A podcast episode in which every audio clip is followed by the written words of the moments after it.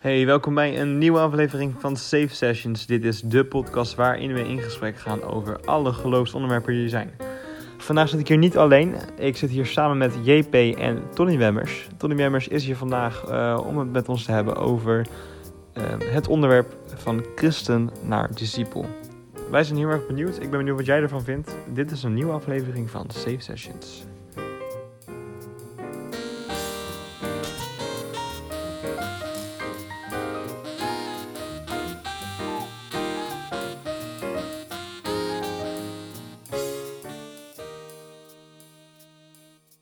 Hallo Tony.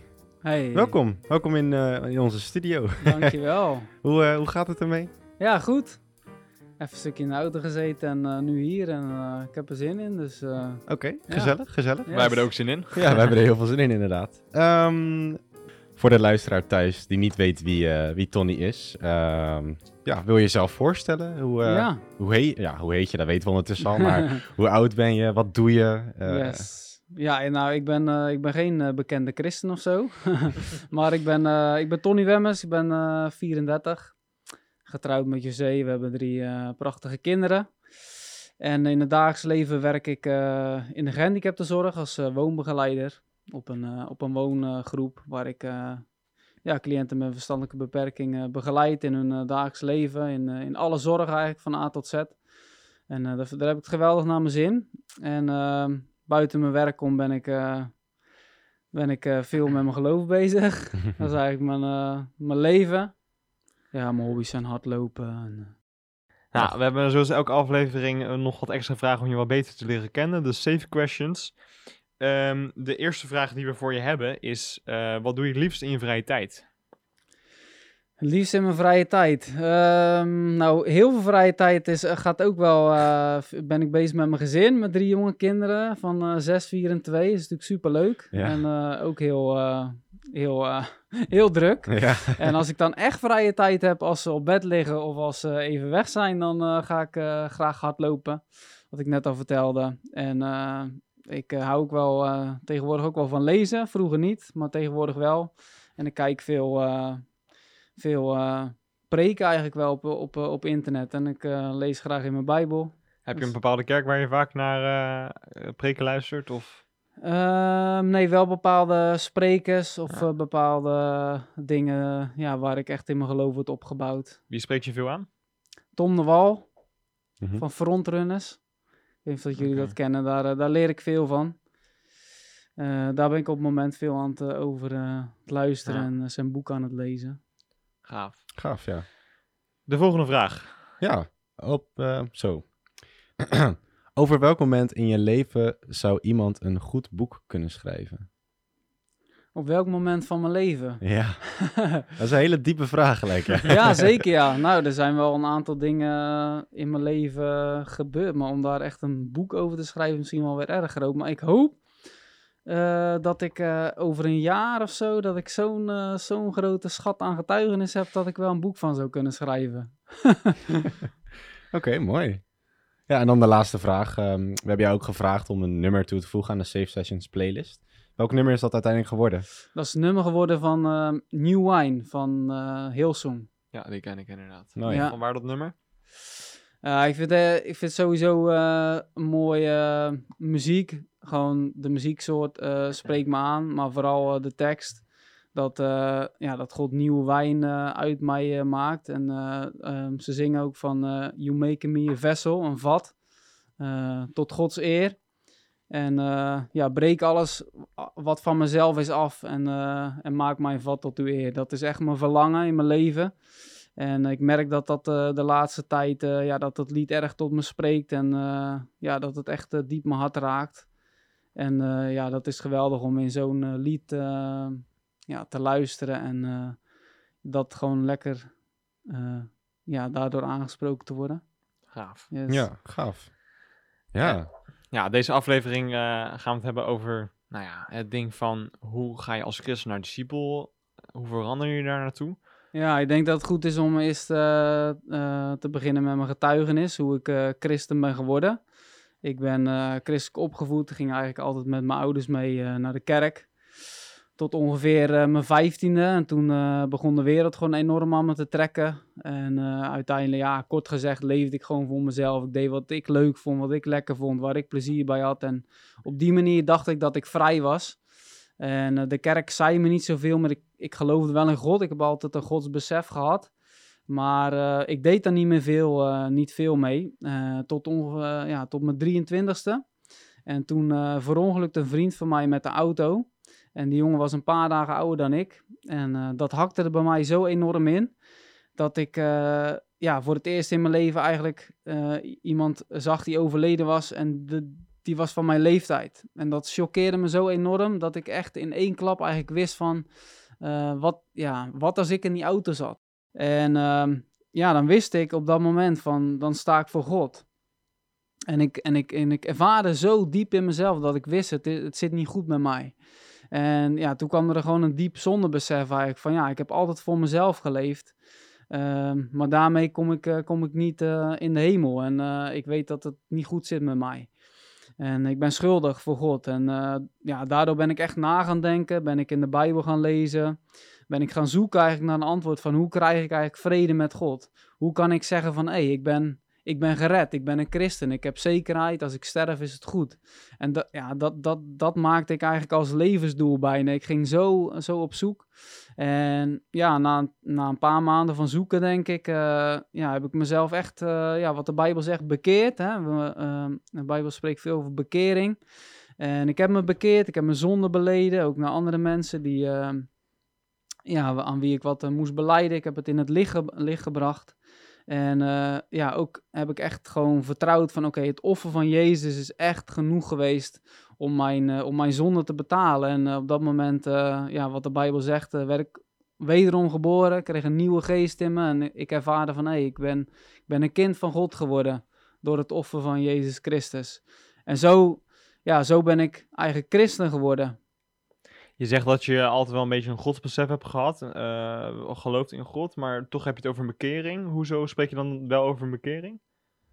Nou, omdat ik nooit een persoonlijke keuze voor God heb gemaakt. En wat ik terug eh, lees in de Bijbel en wat ik in mijn eigen leven heb gemerkt en bij anderen, is dat eh, Petrus zegt in Handelingen 2, vers 38: Bekeer je, laat je dopen en word vervuld met de geest. En, eh, dus ik ben wel christelijk opgevoed, maar die keuze die kwam, eh, die kwam op mijn 23ste.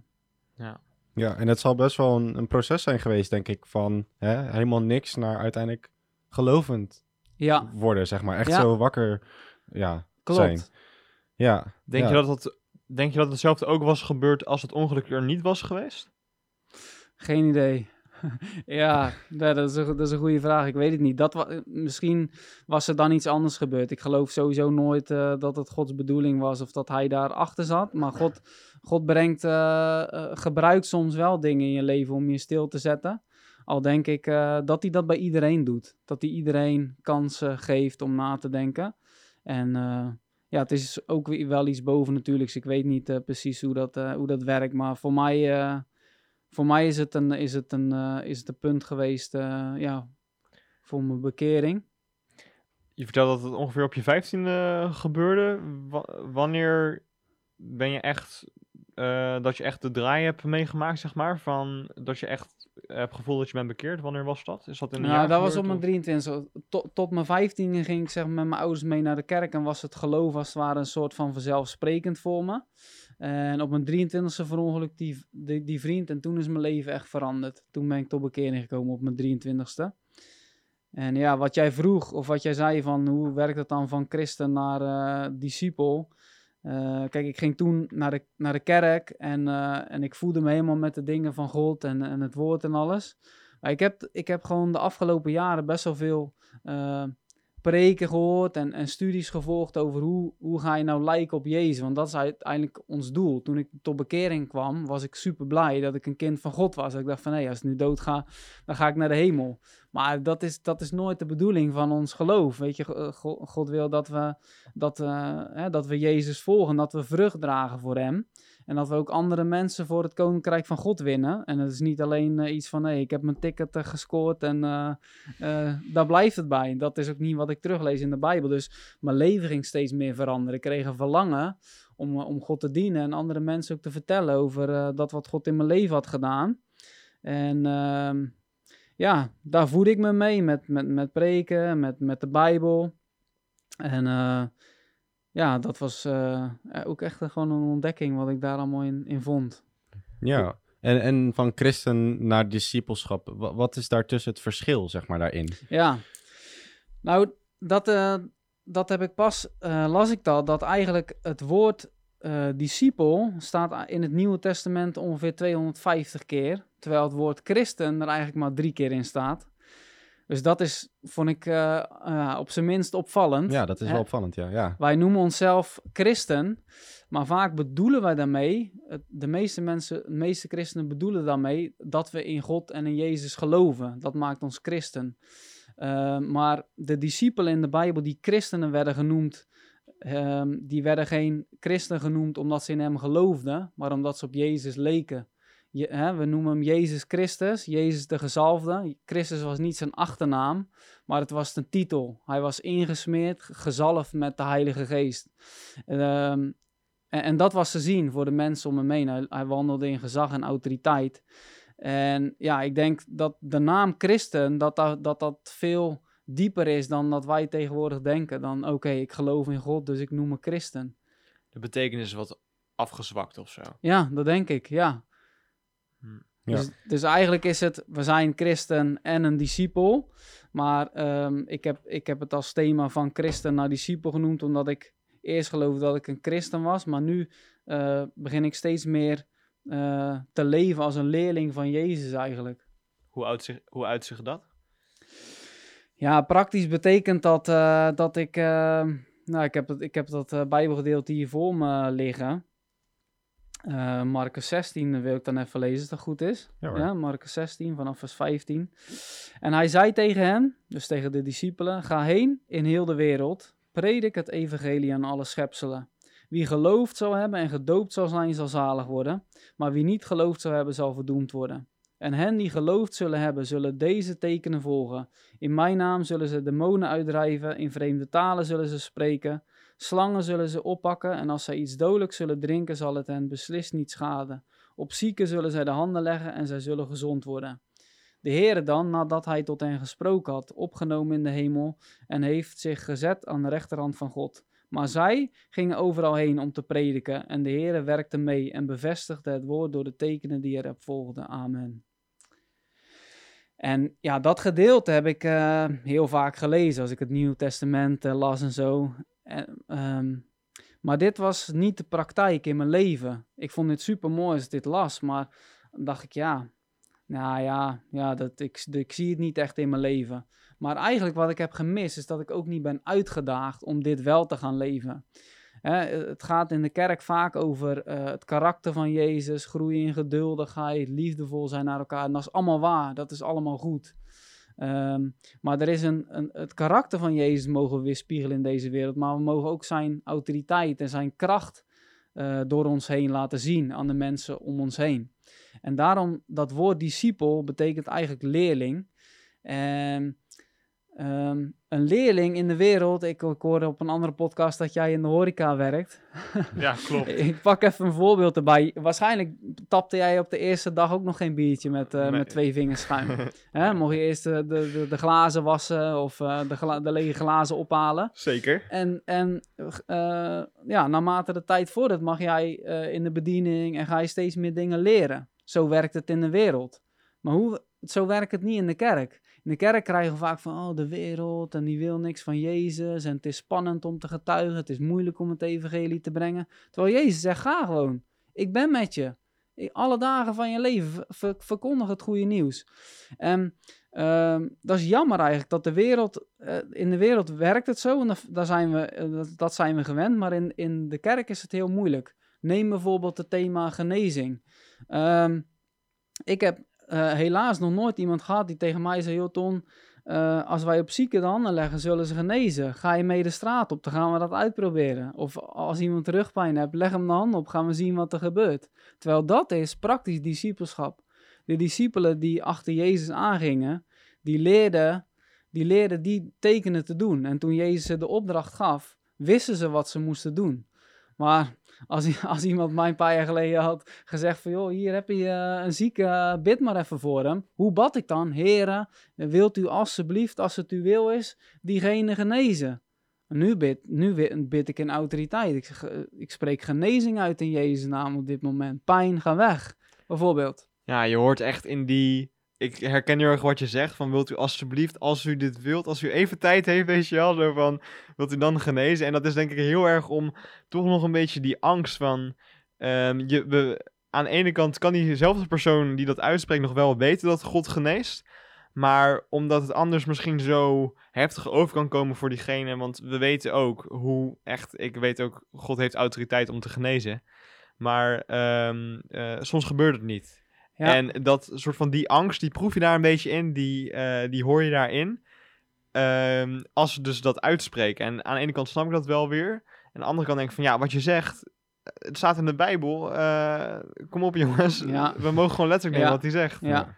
Nou ja, kijk, en, en dat is het mooie met het leerling zijn. Kijk, wat ik zeg met dat voorbeeld hè, van jou, dat je niet gelijk uh, bier gaat tappen op je eerste dag. Of, of, of een bakker gaat niet gelijk een bruidstaart maken. Ehm, we hoeven niet meteen te beginnen met uh, mensen in een rolstoel. Snap je? Geloof, uh, het, is, het is net als een spier. Een spier groeit door hem te trainen. En je geloof groeit ook door het te trainen. Zeg maar, ik ben uh, ja, daarmee begonnen met, met kleine dingen. Nu zie ik steeds meer, nu groeit mijn geloof. En zie ik ook ja, wat grotere dingen gebeuren. En dat is, dat is wat, wat Jezus wil. Je geloof, dat is, dat is een kracht die steeds groter kan worden in je. En um, ja, je autoriteit ook. De Heilige Geest is in je, maar je gaat het trainen op het moment dat je die kracht gaat gebruiken. Vanaf welk moment ben je veel meer de autoriteit en de kracht van God gaan zien? Ja, dat is uh, denk ik inmiddels een jaar. Het begon met uh, uh, boekjes erover lezen, preken erover luisteren en, en, en getuigenissen horen. Getuigenissen Getuigenissen zijn zo gaaf om geloof te bouwen. Want de getuigenis is eigenlijk iets, als jij iets hoort wat de getuigenis is, kunnen we twee dingen doen. Of je kijkt van, oh, wat een bijzonder persoon is dat en wat heeft hij een bijzonder iets meegemaakt. Of je kan denken, wow, wat een grote God is dat. En als hij ook een christen is en ik ook, dan leeft diezelfde kracht van God, leeft in mij. En dan ben ik misschien iets minder ver in, in de wandel, maar dan geloof ik dat het ook door mij heen kan gebeuren. En zo ben ik eigenlijk zelf in mijn, uh, ben ik geloof gaan bouwen voor dingen. Dat ik denk van oké, Heer, als u het zegt dat, dat zieken door mijn handen genezen worden, dan bid ik u om mogelijkheden om dat te gaan doen. En uh, strek ik me daarna uit, omdat ik, oh, ja, omdat ik geloof in u. Zo is dat eigenlijk begonnen met, met, een, met een verlangen. En zo is dat ook praktisch geworden. Ja, en, en wat heb je eraan gedaan om, zeg maar, God uiteindelijk weer echt um, door je leven zien te werken, zeg maar? Ja, nou, op den duur moest het natuurlijk praktijk gaan worden. Ja. bad natuurlijk van, nou heer, uh, stuur maar de mensen. Of, uh, en uh, ja, ik, ik kan een paar voorbeelden noemen wel. Ik denk dat ik er even één pak. Um, ja, we zaten een keer in de kerk en uh, we voelden gewoon, ja, God was aan het werk en, uh, en hij was aanwezig. En ik dacht van, ja, ik, ik moet echt gewoon een keer naar voren om te vragen van, als er een, uh, iemand is die ziek is, dan wil ik voor diegene bidden. ik deelde datgene waar ik mee bezig was en ik stond vooraan. En niemand kwam naar voren. ik, ik vroeg erom, maar ik stond daar. Nou, niemand kwam. Terwijl ik van één vrouw wist, die... Um, die uh, had een uh, longontsteking gehad en ze knapte heel uh, langzaam op, eigenlijk heel langzaam herstel. En die week was ik haar al tegengekomen en ik had tegen God gezegd, we wonen in hetzelfde dorp. En ik had gevraagd, God, als ik, als ik haar tegenkom, dan wil ik mijn hand op haar leggen en wil ik voor haar bidden. Dat sprak ik uit. Maar dat zijn gevaarlijke gebeden. Want als je, als je concrete dingen bidt, dan ga je ook concrete dingen krijgen. Dus, ik, liep, dus ik, uh, ik liep op straat en uh, ik kwam die vrouw dus tegen. Maar geloof is ook meteen handelen. Als je twijfelt, dan is het moment voorbij. En ze fietste langs. Ik dacht, hé, hey, ik zei hoi. En ja, ze stopte niet en ik durfde het niet te zeggen. Het moment was weg. En ik zei, heer, oh, vergeef me, ik had die kans moeten nemen. Maar als u nog een kans geeft, dan wil ik hem benutten. En daar stond ik dan zondagochtend uh, voor op het podium om te vragen of dat de zieken waren. En ik zag die vrouw. Ik zeg, uh, Marianne heet ze. Ik zeg, Marianne, wil je naar voren komen? Ik heb, van de week wilde ik al voor je bidden, maar ik, ik durfde niet. En was een heel kwetsbaar moment. Ze kwam naar voren. Ik heb mijn handen op haar gelegd. Ik heb, haar, ik heb genezing over haar uitgesproken. Met geloof in mijn hart en, en gehoorzaamheid. En uh, de volgende dag of, een, of twee dagen later stuurden ze me dat ze echt, uh, echt in, in, aan twee dagen tijd zoveel meer procent was opgeknapt dan dat ze in, in zes weken tijd pas was. Dus ze, ze zei echt van ja, het is echt, die, die genezing heeft me, of God heeft me echt aangeraakt. En dat was voor mij ook echt een, uh, ja, dat ik dacht van wow, uh, ja, dit is zoiets gaafs. En eigenlijk nog een getuigenis daarna is eigenlijk nog mooi. Dit is in de kerk, maar um, ik had het ook op mijn werk. Dat een collega, totaal ongelovig, heeft er echt helemaal niks mee. Is zelfs ook een beetje anti.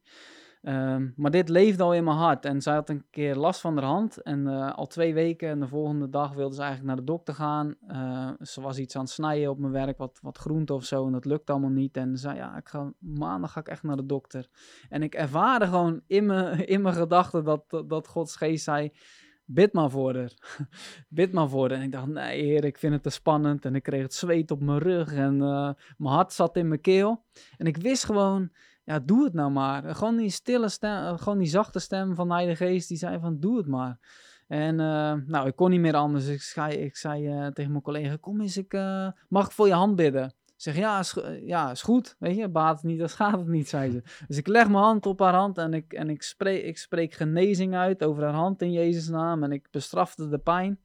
En het leek wel of dat ze gewoon een gewoon helemaal geraakt werd door de Heilige Geest. Ik begon helemaal te zweten en helemaal, helemaal bijna te trillen van wat, gebeurt er, wat gebeurt er? En ik zei, probeer je hand eens. En ze probeerde haar hand en de pijn was volledig weg. En je zag gewoon heel die, waar het eerst dik was, je zag het gewoon uh, slinken, zeg maar.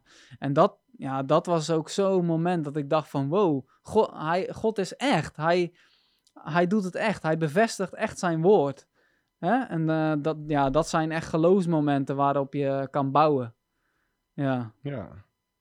Waarom is het echt belangrijk om dit ook te doen? Uh, je zegt al net van, in de kerk wordt het heel erg over de karakter van God, of van Jezus gesproken, mm. van God gesproken. Waarom is het ook zo belangrijk om die autoriteit van God nu ook te zien?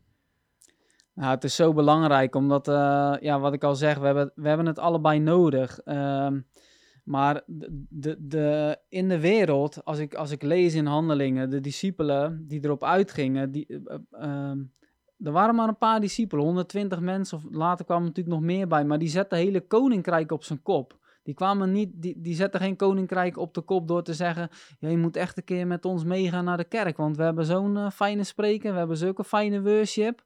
Nee, Paulus, die kwam, de discipelen, ze kwamen met kracht.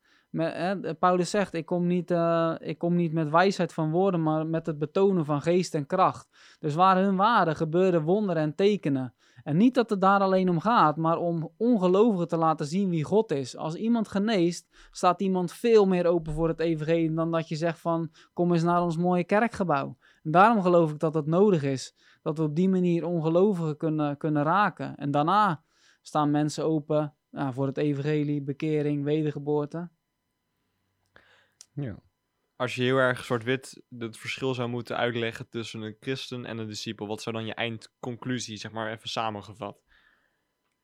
Ik hoop dat als we onszelf christen noemen, dat we beseffen wat het woord christen betekent, wat ik al heb uitgelegd. Dat we geloven dat we door, met, de, met dezelfde Heilige Geest die in Jezus was, dezelfde Heilige Geest die Jezus deed opstaan uit de dood, dat die in ons leeft en dat wij ingesmeerd zijn met Hem en dat Gods kracht op ons rust, dan is het heel goed om je christen te noemen, want um, ja, dat is, dat is Gods wil. En een, eh, een discipel, uh, ja, dat ben je ook altijd. Je bent altijd een volgeling van Jezus. Ik ben, ik ben een kind van de Vader, ik ben een geliefd kind uh, van God, ik ben een, ben een erfgenaam, alles wat de Bijbel noemt, maar ik ben ook een discipel. En dat blijf je, want ja, in dit leven blijven we een volgeling van Jezus en blijven we, uh, ja, blijven we, wi- willen we blijven doen wat hij deed. Dus beide, slotconclusie misschien, beide benamingen zijn goed, maar weet, weet wat je ermee bedoelt. Ja, ja. En ik, kan me best voorstellen dat iemand nu zit te luisteren en denkt, oké, dat klinkt wel allemaal gewoon heel nice, maar heel inspirerend. En hoe, hoe ga ik dat, ja, wat is mijn eerste stap van, hè, echt naar, van, soort van, van christen naar discipel toe? Wat, wat kan ik als eerste gaan doen? Ja. Ik, eh, ik denk dat het, dat het goed is om, eh, om, om, om gewoon eens, eens met een eerlijke bril de Bijbel te lezen. De evangelie, maar ook het boek Handelingen. Als je, als je Handelingen leest, eh, dan, dan, dan, dan zou je eigenlijk tot de conclusie zelf moeten komen... oké, eh, dit is hoe het normale christelijke leven eruit hoort te zien. We zien daar allerlei dingen gebeuren. En we zien daar als het ware het dagboek van Paulus. Hè? Heel veel dingen van Paulus. Maar ik geloof dat, dat, dat over elke christen een soort van handelingen eh, geschreven kan worden. Een dagboek geschreven kan worden. En misschien is het goed om, om daarmee te beginnen te lezen. En dan gewoon met een, met een oprecht hart naar God eh, uit te spreken van... Heer, ehm, ik, ik wil zo leven. Dit is mijn verlangen. Wilt u ja, mij, ja, help mij om, om dat te zien en eh, ja, daarin, daarin te gaan leven. En ik denk ook dat het heel belangrijk is om, om naar de fundamenten te gaan. Wat ik aan het begin al zei, Handelingen 2 vers 38, waar Petrus zei, bekeer. Bekering is ook iets wat, wat, wat, wat veel te weinig wordt verteld. We hebben het vaak over een keuze maken voor Jezus, maar wat is een keuze maken voor Jezus?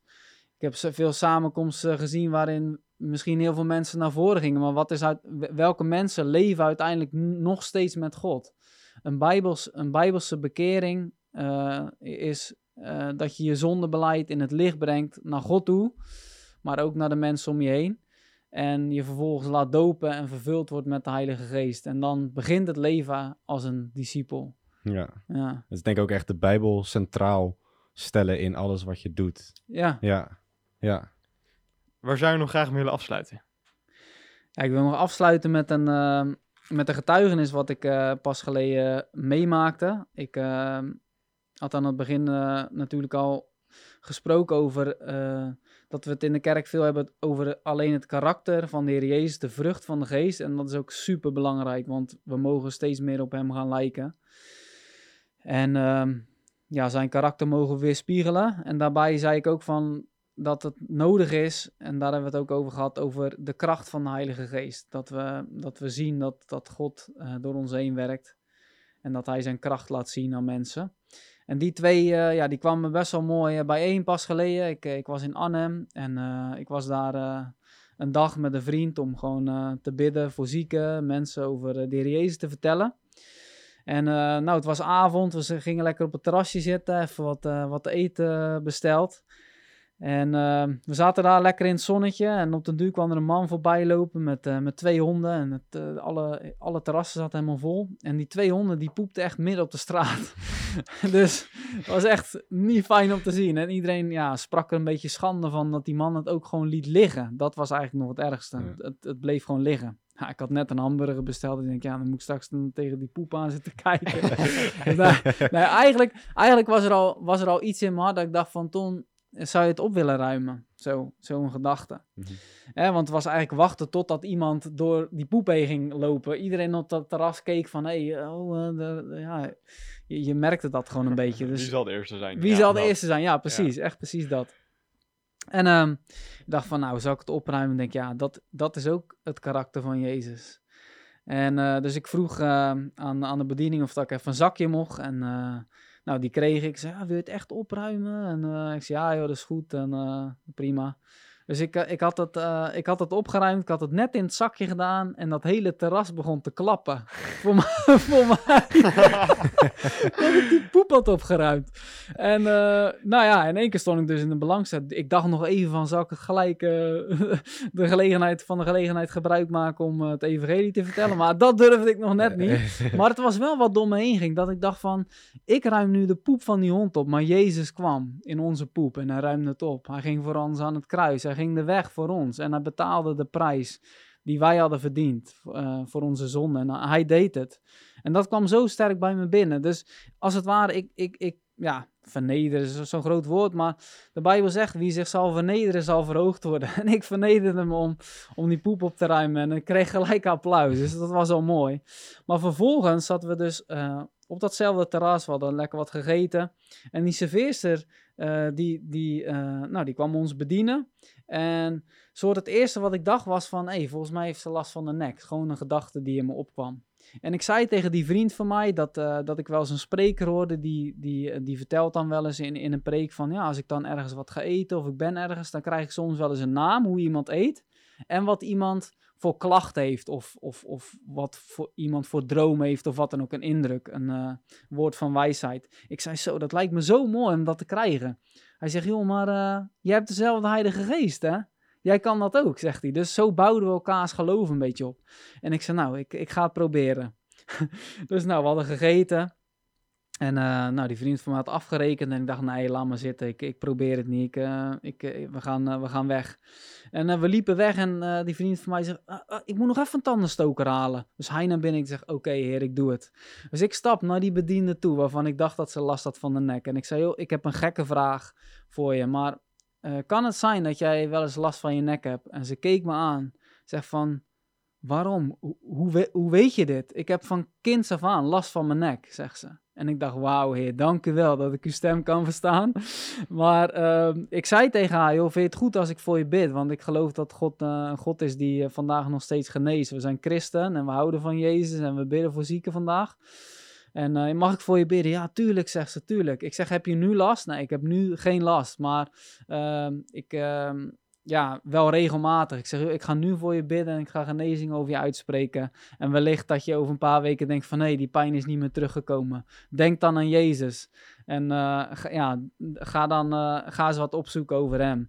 En op die manier uh, ja, bad ik voor haar en ik sprak nog ja, een zegen over eruit. En ja, die, ze was stom verbaasd. eerst ruimde ik daar de poep op en daarna sprak ik genezing voor haar uit. En ik geloof dat dat, dat, dat dat de manier is hoe we met God mogen leven dan maak je, ja, dan, dan, dan hoef je geen indruk te maken in deze wereld. Dat is ook wat ik, wat ik stel. Ik leef niet voor, voor een groot huis, ik leef niet voor het grote geld, ik leef niet voor de mening van andere mensen meer, maar de, mening van God telt over mijn leven. En dat is, ja, dat is het beste wat er is. Nou, uh, mooi verhaal. En vooral om even zo uh, mee af te sluiten. Super bedankt Tony, uh, Tony dat je er bij bent geweest. Het is een mooi gesprek geworden. Zeker. Wil je nou nog meer horen van uh, de Safe Sessions afleveringen, kan je dat op onze Spotify uh, zeker zien. Wil je nog meer informatie, kan je op onze website gaan. Meer daarvan, uh, op, ja, alle informatie kan je op onze website vinden. ja. Um, nou, dan gaan we afsluiten. Heel erg bedankt. En dan tot de volgende aflevering. Yes, ja, jullie bedankt. Yes.